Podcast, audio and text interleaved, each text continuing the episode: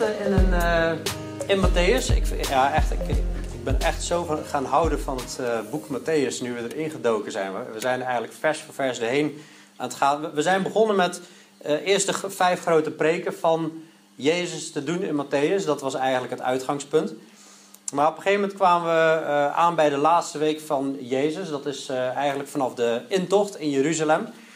En als je Matthäus, Marcus, Lucas, Johannes qua dikteberken optelt, dan gaat bijna de helft gaat over die laatste week van Jezus. Dus we hebben eigenlijk gezegd vanaf nu gaan we gewoon vers voor vers erheen. En we zijn bij uh, het laatste stuk aangekomen van de laatste preek van Jezus. En daarna wordt eigenlijk zijn, zijn kruisiging wordt, ingeleid. En het, het, mooie is aan, aan vers voor vers zo door het woord gaan, is dat je, je komt van alles tegen.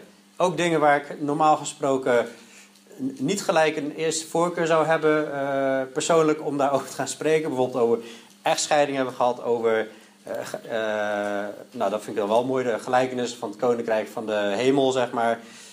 De, de, bergreden, wat Jezus daar allemaal zegt, of de, bergpreek. Dat is echt zo radicaal wat, wat, wat de Heer zegt. De Heer roept echt continu op: volg mij. Hè. Neem je kruis op, laat alles achter, volg mij. Dat is gewoon de oproep. Oké, um, de laatste weken zijn we bezig geweest met uh, Matthäus 24. Daar hebben we drie weken over gedaan, want er komt zoveel aan bod. En uh, ja, als je hier nu ineens even midden invalt, dan is dat wel lastig. Maar ik zal het even samenvatten. Vorige week hebben we de twee gelijkenissen behandeld in Matthäus 25. Uh, van de wijze en de dwaze meisjes, wat bekendere gelijkenis en de gelijkenis van talenten. Wat doe jij met wat de Heer jou gegeven heeft? En ehm, voordat we Matthäus 25, vers 31 tot 46 gaan lezen, wil ik nog even, even de setting even bespreken. Um, nou, als het gaat over de eindtijd, er zijn natuurlijk wel wat verschillende uh, kijken daarop en interpretaties. Um, er is ruimte om daarover in, in gesprek te gaan, uh, natuurlijk. Ik, uh, ik meen dat dit een, een best passende interpretatie is. Op basis van ja, alle stukken die ik bestudeerd heb, ben ik er vier maanden mee bezig geweest met alle profetieën ervan op een rij te leggen. Ik uh, geloof op basis van de profetieën in, in, Daniel 7, Daniel 9, Daniel 12 dat er een, een laatste jaarweek bestemd is. Eén periode van zeven jaar waarin er echt iets gruwelijks gaat gebeuren met de aarde. Matthäus, in Matthäus 24 zegt Jezus, het zal een grote verdrukking zijn zoals er nooit geweest is en zoals er nooit meer zijn zal. En we hebben gewoon even stapsgewijs, even, zijn we even snel door die de zeven zegels, de zeven bazuinen en de zeven schalen gelopen om te kijken naar de omvang van die rampen. En dan heb je het over hagelstenen van 45 kilo die uit de lucht gaan komen. De, de zee en de rivieren die in bloed veranderen. Alle vissen die uh, doodgaan. Zweren zullen mensen krijgen. Verzengende hitte. Diepe duisternis zal komen. Mensen die de grotten invluchten, bergen invluchten. En zeggen, oh bergen val op ons. Want de toren van het lam en van God is over ons.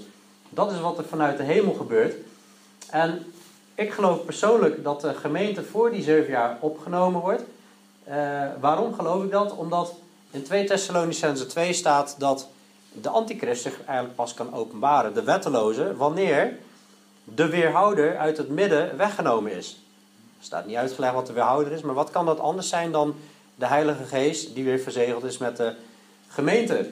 Ook zien wij een heel ander soort uh, getuigen rondlopen. De twee getuigen die echt een soort uh, wraakgetuigen zijn. Hè? Op het moment, uh, die krijgen macht om, om alle plagen los te laten die ze maar willen, hemel te sluiten, de wier en bloed te veranderen. die twee getuigen, als iemand hun iets zal willen doen, zal er vuur uit hun mond komen.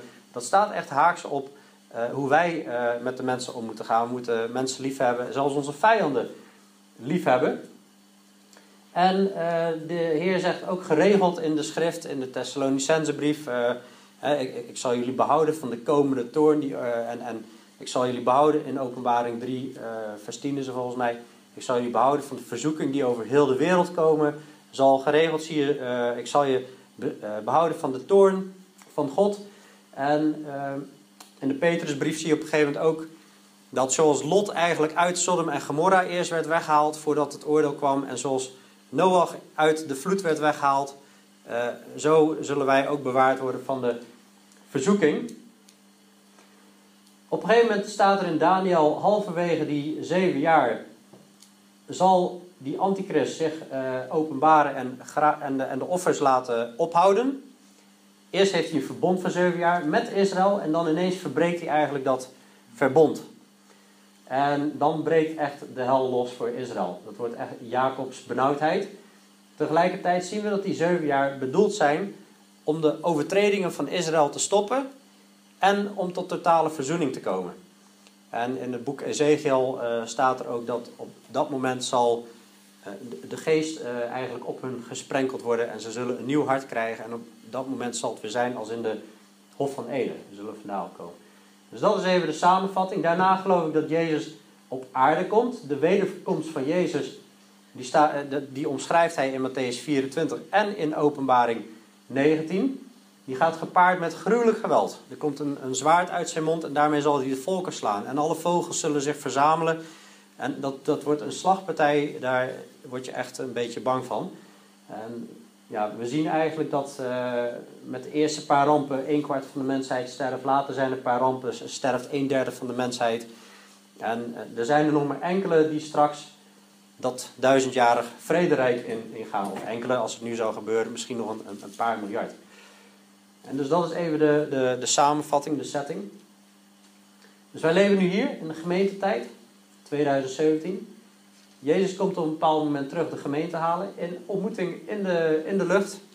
En dan, dan wanneer de bazuin van God zal blazen, niet een bazuin van engelen, soms wordt het uh, verward met de, de laatste bazuin van de engelen, maar dit is een bazuin van God.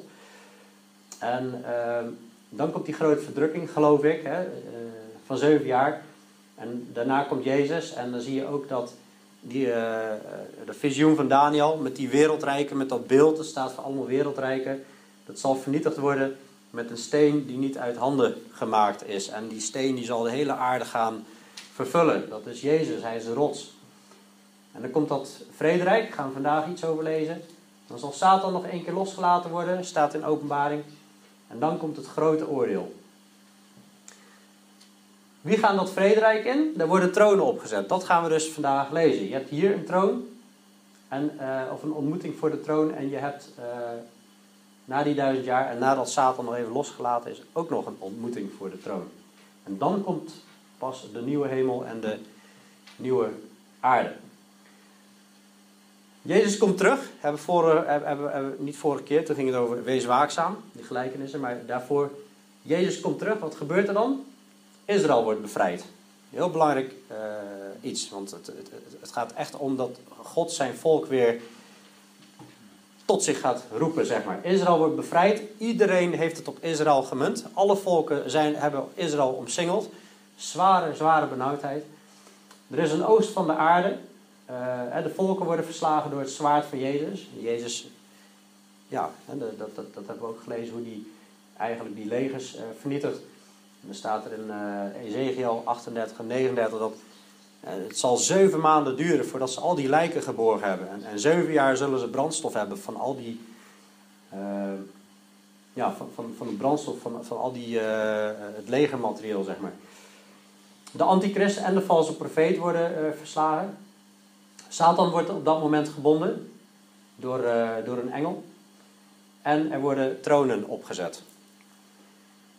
Dus vandaag uh, begin dat even, even vanuit die setting. Jezus uh, komt dus op een bepaald moment terug aan het eind van die grote verdrukking. En dan begint dus uh, Matthäus 25, vers 31. Wanneer de zoon des mensen komen zal in zijn heerlijkheid en al de, al de heilige engelen met hem, dan zal hij zitten op de troon van zijn heerlijkheid. En voor hem zullen al de volken bijeengebracht worden. En hij zal ze van elkaar scheiden zoals de herder schapen van de bokken scheidt. Hij zal de schapen van zijn rechter, aan zijn rechterhand zetten, maar de bokken aan zijn linkerhand. Dan zal de koning zeggen tegen hen die aan zijn rechterhand zijn: Kom, gezegende van mijn vader, beërf het koninkrijk dat voor u bestemd is vanaf de grondlegging van de wereld. Want ik had honger en u hebt mij te eten gegeven. Ik had dorst en u hebt mij te drinken gegeven. Ik was een vreemdeling en u hebt mij gasvrij onthaald. Ik was naakt en u hebt mij gekleed. Ik ben ziek geweest en u hebt mij bezocht. Ik was in de gevangenis en u, hebt mij, en u bent bij mij gekomen. En dan zullen de rechtvaardigen hem antwoorden: Heere, wanneer hebben wij u hongerig gezien en te eten gegeven, of dorstig en te drinken gegeven? Wanneer hebben wij u als een vreemdeling gezien en gasvrij onthaald, of naakt en hebben u gekleed?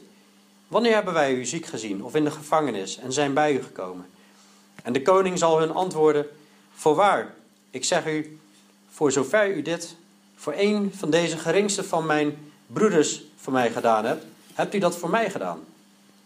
Dan zal hij ook zeggen tegen hen die aan de linkerhand zijn: Ga weg van mij, vervloekten, in het eeuwige vuur, dat voor de duivel en zijn engelen bestemd is. Want ik ben hongerig geweest en u hebt mij niet te eten gegeven. Ik ben dorstig geweest en u hebt mij niet te drinken gegeven. Ik was een vreemdeling en u hebt mij niet gasvrij onthaald. Naakt en u hebt mij niet gekleed. Ziek en in de gevangenis en u hebt mij niet bezocht. Dan zullen ook deze hem antwoorden: Heere, wanneer hebben wij u hongerig gezien, of dorstig, of als een vreemdeling, of naakt, of ziek, of in de gevangenis, en hebben u niet gediend? Dan zal hij hun antwoorden: Voorwaar, ik zeg u, voor zover u dit voor één van deze geringste niet gedaan hebt, hebt u het ook niet voor mij gedaan. En deze zullen gaan in de eeuwige straf, met de rechtvaardigen in het eeuwige leven.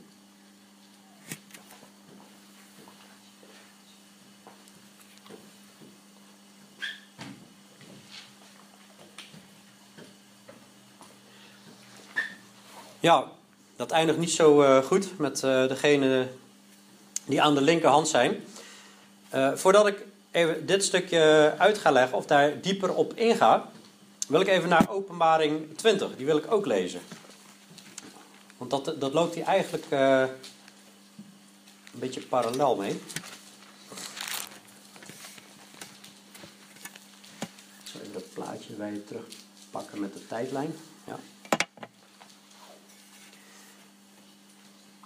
Openbaring 20, dat, dat begint.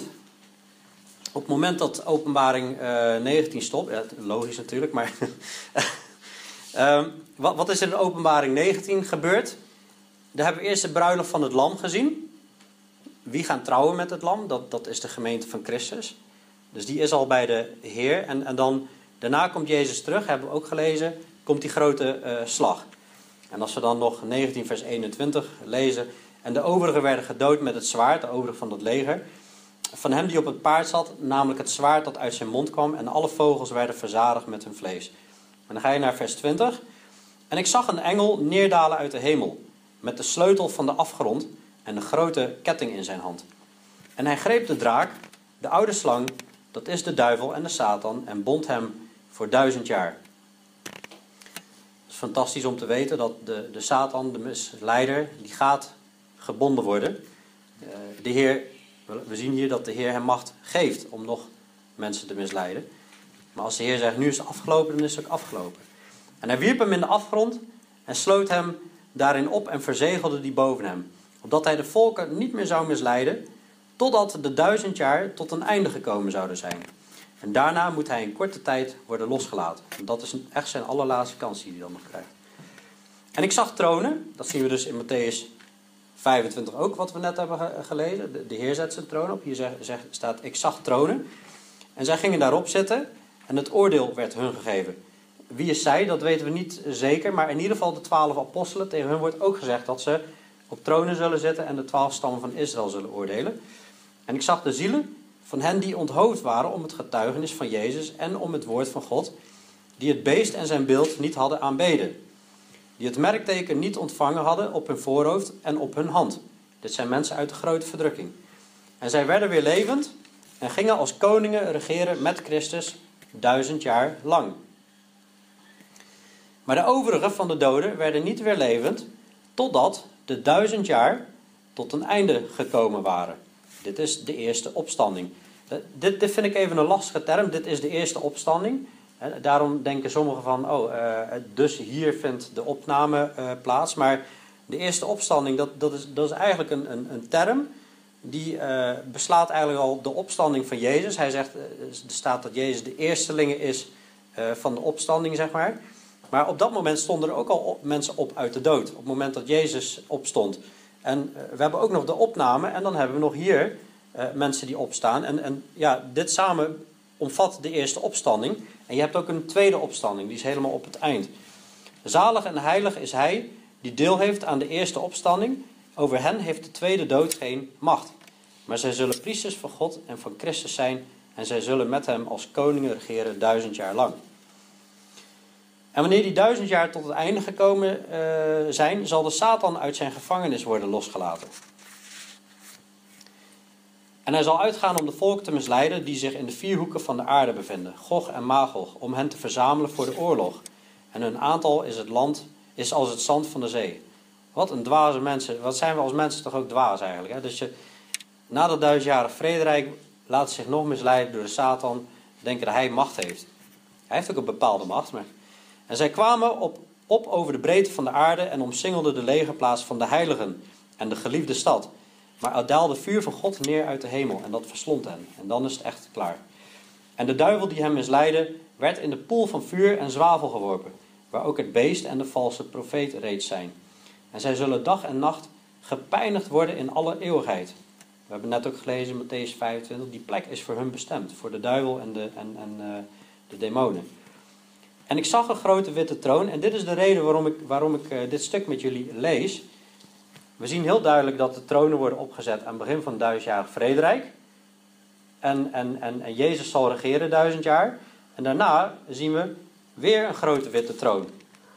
Er zijn twee momenten zien we al dat mensen voor een troon verschijnen. En ik zag een grote witte troon en hem die daarop zat. Voor zijn aangezicht vluchtte de aarde en de hemel weg zodat er geen plaats meer voor hen te vinden was. En ik zag de doden, klein en groot, voor God staan. En de boeken werden geopend. En nog een ander boek werd geopend, namelijk het boek des levens. En de doden werden geoordeeld overeenkomstig wat in de boeken geschreven stond, naar hun werken. En de zee gaf de doden die in haar waren. Ook de dood en het rijk van de dood gaven de doden die in haar waren. En zij werden geoordeeld, ieder overeenkomstig zijn werken. En de dood en het rijk van de dood werden in de poel van vuur geworpen. Dit is de tweede dood. En als iemand niet bleek ingeschreven te zijn in het boek des levens, werd hij in de poel van vuur geworpen. Het is gewoon echt, klink, uh, het, is, het is klaar, hel, kraakheldere taal hier allemaal. Hè, wat er met de gelovigen en met de ongelovigen uh, gebeurt. En uh, ja, tegenwoordig ehm, ja, uh, wordt vaak gezegd, ja, moet niet over de hel praten, dat praat angst aan. En, en nee, ja, maar wie zijn wij om, om, om, om, om, om te zeggen, hier gaan we wel over praten en daar gaan we niet over praten.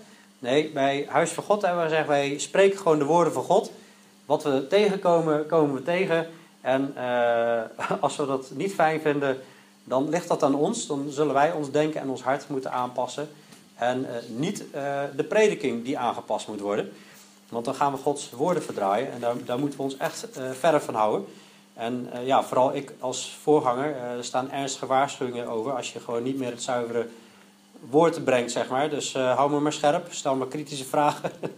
dan, maar ja, dat gebeurt ook wel. Dus dat is helemaal niet erg. Dan, ik, kan, ik kan ook fouten maken. En als ik het niet kan verdedigen, dan klopt het ook gewoon niet. Hè? Dat is het uitgangspunt. Daar, daarom, ook ook daarom lees ik ook zoveel mogelijk uit, uit, uit, uit het woord, zeg maar, dat we het eerstehands uh, lezen. Dus, we hebben duidelijk gelezen, die grote verdrukking is klaar, en dan gaat de Heer tronen opzetten. En er komt nog een, een, een, een oordeel ergens in het universum. Net daarvoor vluchten de hemel en de aarde weg. En er komt een nieuwe hemel en een, en een nieuwe aarde. Dat is hoofdstuk 21 in openbaring. En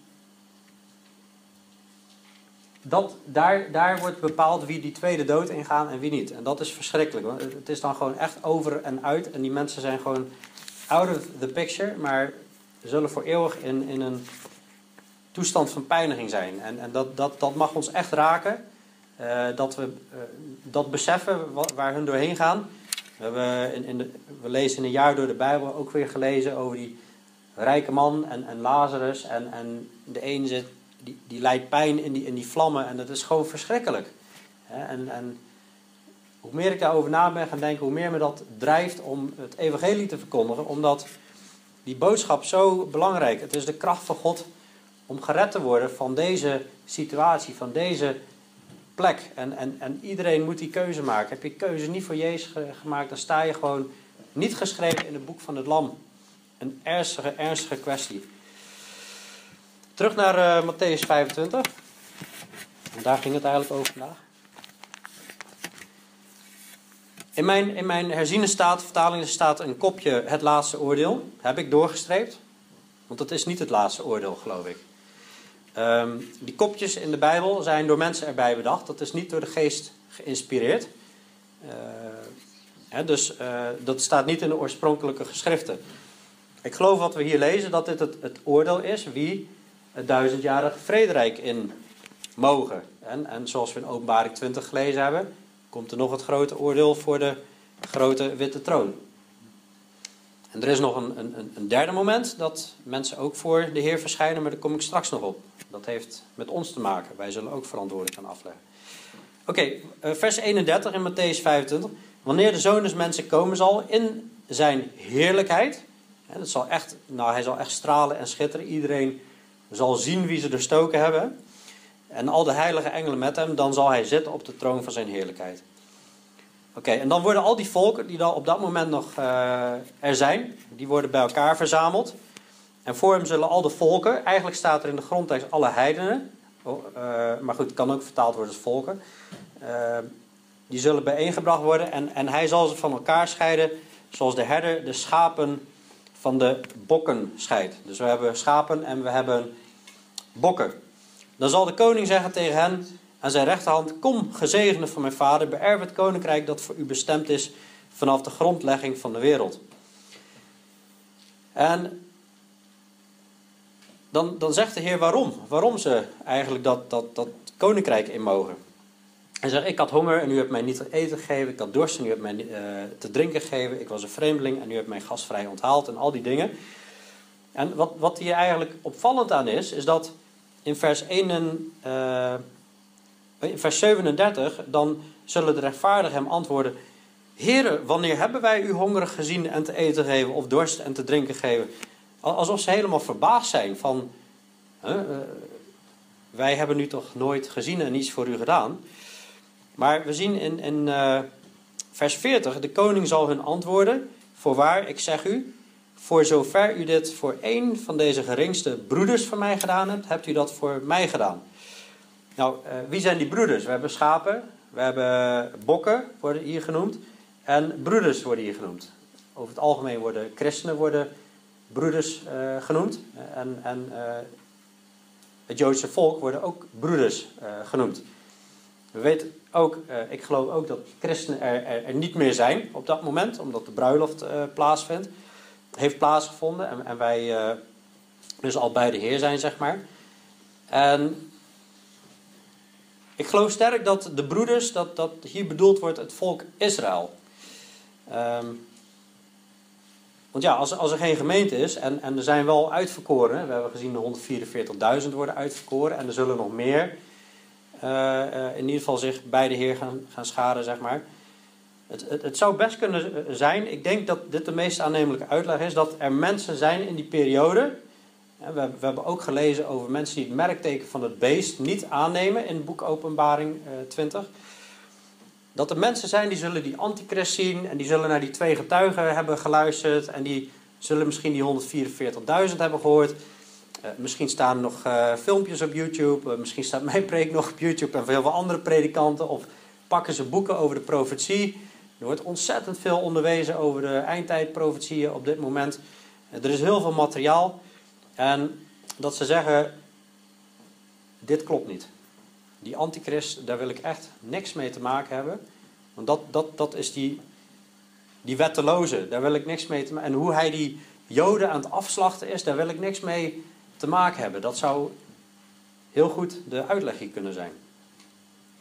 Je ziet natuurlijk ook in de Tweede Wereldoorlog had je de Holocaust, 6 miljoen uh, Joden zijn uh, vermoord. En er zijn heel veel mensen geweest die Joden geborgen hebben. Die hebben ja, een soort van dubbele muren uh, in kamers ingebouwd, dubbele vloeren, om maar Joden te herbergen, om, om ze te beschermen voor de, voor de Duitsers, zeg maar. En mogelijk wordt hierop gedoeld in, in die periode dat uh, er mensen zullen zijn en, en eigenlijk toch geloof hebben van er, is iets bijzonders met dat volk. Er is iets bijzonders met dat volk Israël. En God heeft al tegen Abraham gezegd uh, dat er een zegen zou komen uit, uit Abraham. Hè, dat, een, zegen uit, uit, zijn nageslacht, zeg maar. En ik zal zegenen wie u zegenen zal. En ik zal vervloeken wie u zal vervloeken, zeg maar. Er rust een zegen op als mensen Israël weer zegenen. En eigenlijk geloven dat het volk van God is. En, en uh, op het moment dat ze geloven dat dat volk van God is, geloven ze eigenlijk de woorden van God. En we weten dat we alleen maar gerechtvaardigd kunnen worden door het geloof.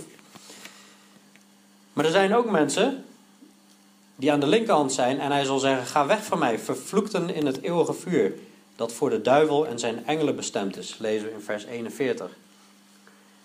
Dus dat ziet er niet goed uit. dat, zijn de, dat zijn de handlangers van, van Satan. De, mensen die gewoon Jezus verworpen hebben. Die eigenlijk liever die antichrist met zijn mooie wonderen en tekenen achterna zijn gegaan. Zeg maar, die heel de wereld misleidt. Dat is eigenlijk een verpersoonlijking van uh, Satan. Net zoals dat Jezus God in een lichaam was, zul je straks gewoon Satan in een, in een, in een lichaam van een mens hebben eigenlijk. Met zijn valse uh, profeet. Ga weg van mij, vervloekten in het eeuwige vuur dat voor de duivel en zijn engelen bestemd is. Wat ik hier bijzonder vind om te lezen is dat het eeuwige vuur voor de duivel en zijn engelen bestemd is. Er wordt wel eens gediscussieerd in christendom over de uitverkiezing en ja, hoe zit dat nou? En nou, Efeze 1 vers 4 dat zegt gewoon heel duidelijk van uh, we zijn uitverkoren, christenen zijn uitverkoren vanaf voor de grondlegging van de wereld. Uh, Joden die zijn ook, ook uitverkoren. Tegelijkertijd zegt Romeinen 1, niemand zal te verontschuldigen zijn. Dus het is zowel God als mensen aan het werken. God, God roept en de mens moet daar op reageren, zeg maar. Maar er zijn ook mensen die gaan nog een stap verder. Die zeggen, ja, er is niet alleen maar uitverkiezing. Het is niet alleen maar dat mensen uitverkoren zijn. Die geloven in een soort dubbele uitverkiezing. Dat er ook nog mensen zijn die uitverkoren zijn of bestemd zijn vanaf hun geboorte om, om naar de hel te gaan. Nou, dat, dat geloof ik persoonlijk niet. Ik geloof niet dat de Heer mensen geschapen heeft om naar de hel te gaan. Ik geloof dat, dat God altijd mensen geschapen heeft met het doel om een relatie met hun te hebben. Maar dat dat, dat dat eeuwige vuur geschapen is voor de duivel en zijn engelen. En op het moment dat we Jezus verwerpen, op het moment dat we God verwerpen. En, en het offer van Jezus hè, voor verzoening, om in, in vrede eh, weer te leven met God. Als wij dat verwerpen, ja, dan, dan ben je een volgeling van, van de Satan. Dan ben je een, hij is de vader van de leugen. Dan ben je een volgeling van de, van, van de leugen en dan eindig je ook daar. Maar in ieder geval, die mensen zullen ook zeggen, hij zal zeggen, eh, ik ben hongerig geweest, u hebt mij niet te eten gegeven. Ik ben dorstig geweest en u hebt mij niet te drinken gegeven. Ik was een vreemdeling en u hebt mij niet gastvrij onthaald, naakt en u hebt mij niet gekleed. Ziek en in de gevangenis en u hebt mij niet bezocht. En dan zullen ook deze hem antwoorden, Heren, wanneer hebben wij u dan hongerig gezien of dorstig, of als een vreemdeling of naakt of ziek of in de gevangenis en hebben u niet gediend?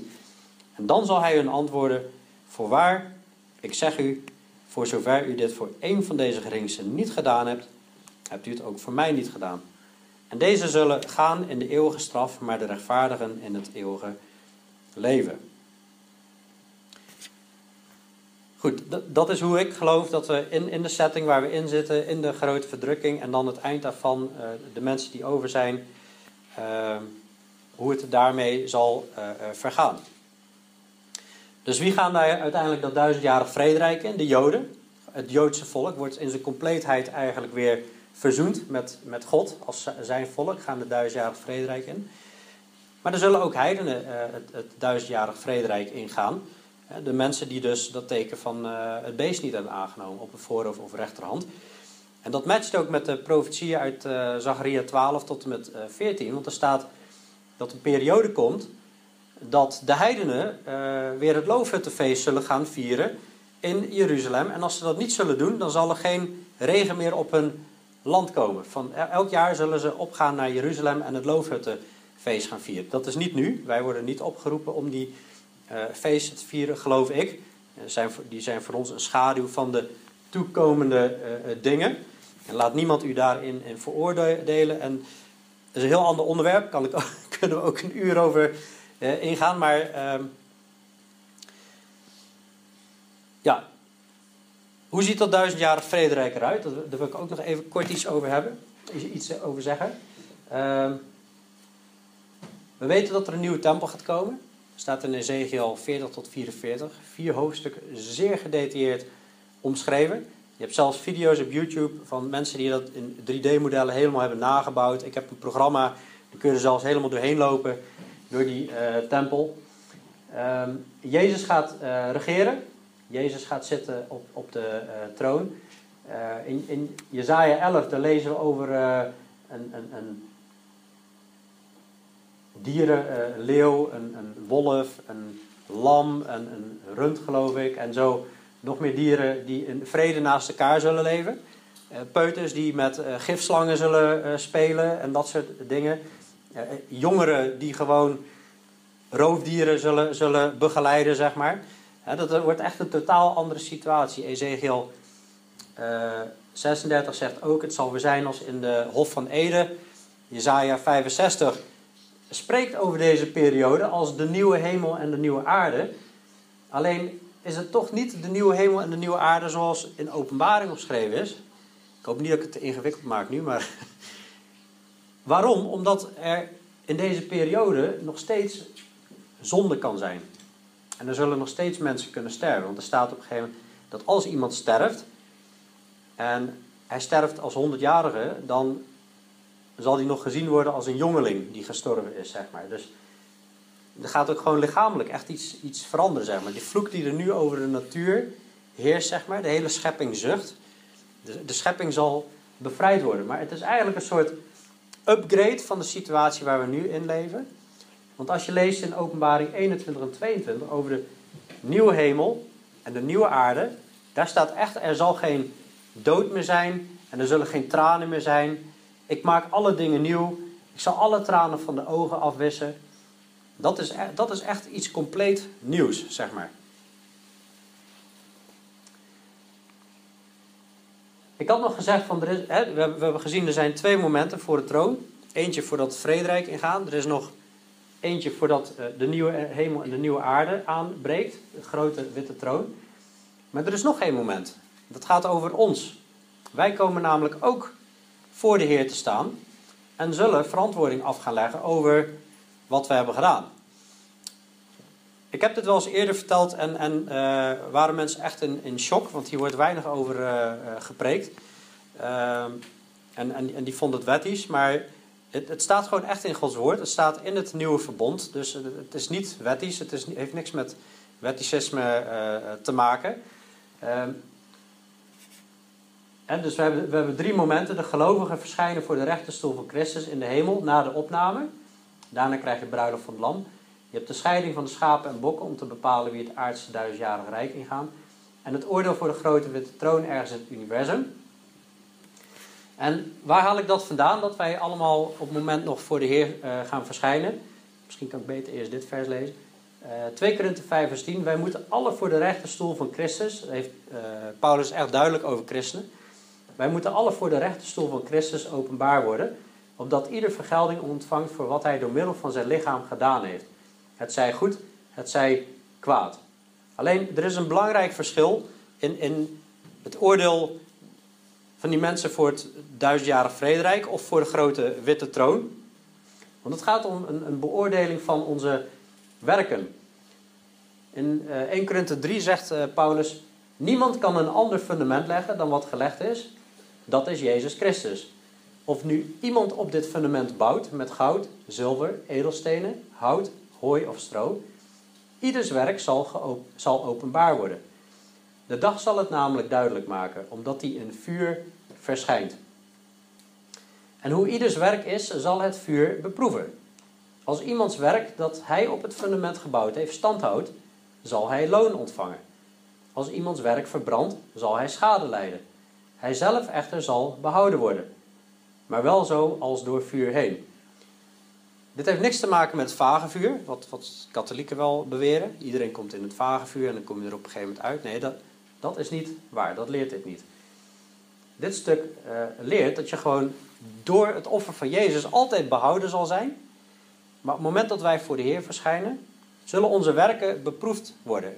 Jezus zegt ook gewoon, van, verzamel geen schatten op aarde, maar verzamel schatten in de hemel. Zoek eerst het koninkrijk van God en zijn gerechtigheid. En dan zullen al die dingen, eten, kleren, drinken, zullen allemaal erbij gegeven worden. Hè? Want, want, alles hier zal vergaan door mot en, en, roest. Het heeft geen waarde. En het wordt door het vuur beproefd. Als jij met goud, zilver of edelstenen bouwt, dat kan het vuur doorstaan. Maar hout, hooi of stro, dat kan het vuur niet doorstaan. Ieders werk zal openbaar worden. Dus het is heel belangrijk om de wil van de Heer te zoeken en te kijken: Heer, wat, wat wilt u? Wat, wat vraagt u eigenlijk van mij? En daarmee aan de slag te gaan. Nou, en, uh, spit het Nieuwe Testament maar eens door en dan uh, schrijf maar eens alles op wat de Heer eigenlijk vraagt. Dan heb je de rest van je leven heb je, handen vol eraan. Hoef je niet met andere dingen bezig te houden, dat kan ik je garanderen. Dus, uh, maar zie dit als een bemoediging. Dat als je gewoon de Heer volgt en, en, met zijn arbeid bezig bent en hem dient, dan wil hij je bemoedigen met, met schatten in de, in, in de hemel. En natuurlijk, we moeten hier onze boterham verdienen en dat soort dingen. Anders uh, ja, stopt het leven ook, hè, dat hoort erbij. Maar waar je hart is, daar zal ook je schat zijn. De Heer spreekt ook, je ziet ook in, in, in verschillende plekken in het Nieuwe Testament over kronen die we kunnen verdienen. Een onvergankelijke kroon voor het trouwlopen van de wedloop. De kroon van roem of blijdschap voor het winnen van zondaren. De kroon der gerechtigheid voor het liefhebben van de verschijning van Christus. De kroon des levens voor het lijden ter wille van Christus. En de kroon der heerlijkheid voor hen die de schapen van de kudde van Christus wijden. Dus er zijn verschillende kronen te verdienen. En het grappige is dat, dat Paulus noemt ze elke keer zo even tussen neus en lippen door. maar ze staan er wel. Ik, ik laat dit gewoon zien om, om een gevoel te krijgen. Ja, we weten niet wat die schatten allemaal zullen worden. In openbaring 21, 22, dan lezen we een prachtige omschrijving van het nieuwe Jeruzalem, de nieuwe hemel, de nieuwe aarde. Maar hoe het er precies uitziet, weten we niet. We zien hier nog wat hints van, van wat we kunnen verdienen. Maar we gaan die kronen ook neerleggen aan zijn voeten, lezen in openbaring. Dus er komt een, uh, eigenlijk een opgelapte aarde, nieuwe hemel en nieuwe aarde. Het, het, het duizendjarig vrederijk, het Messiaanse rijk wordt het ook wel genoemd.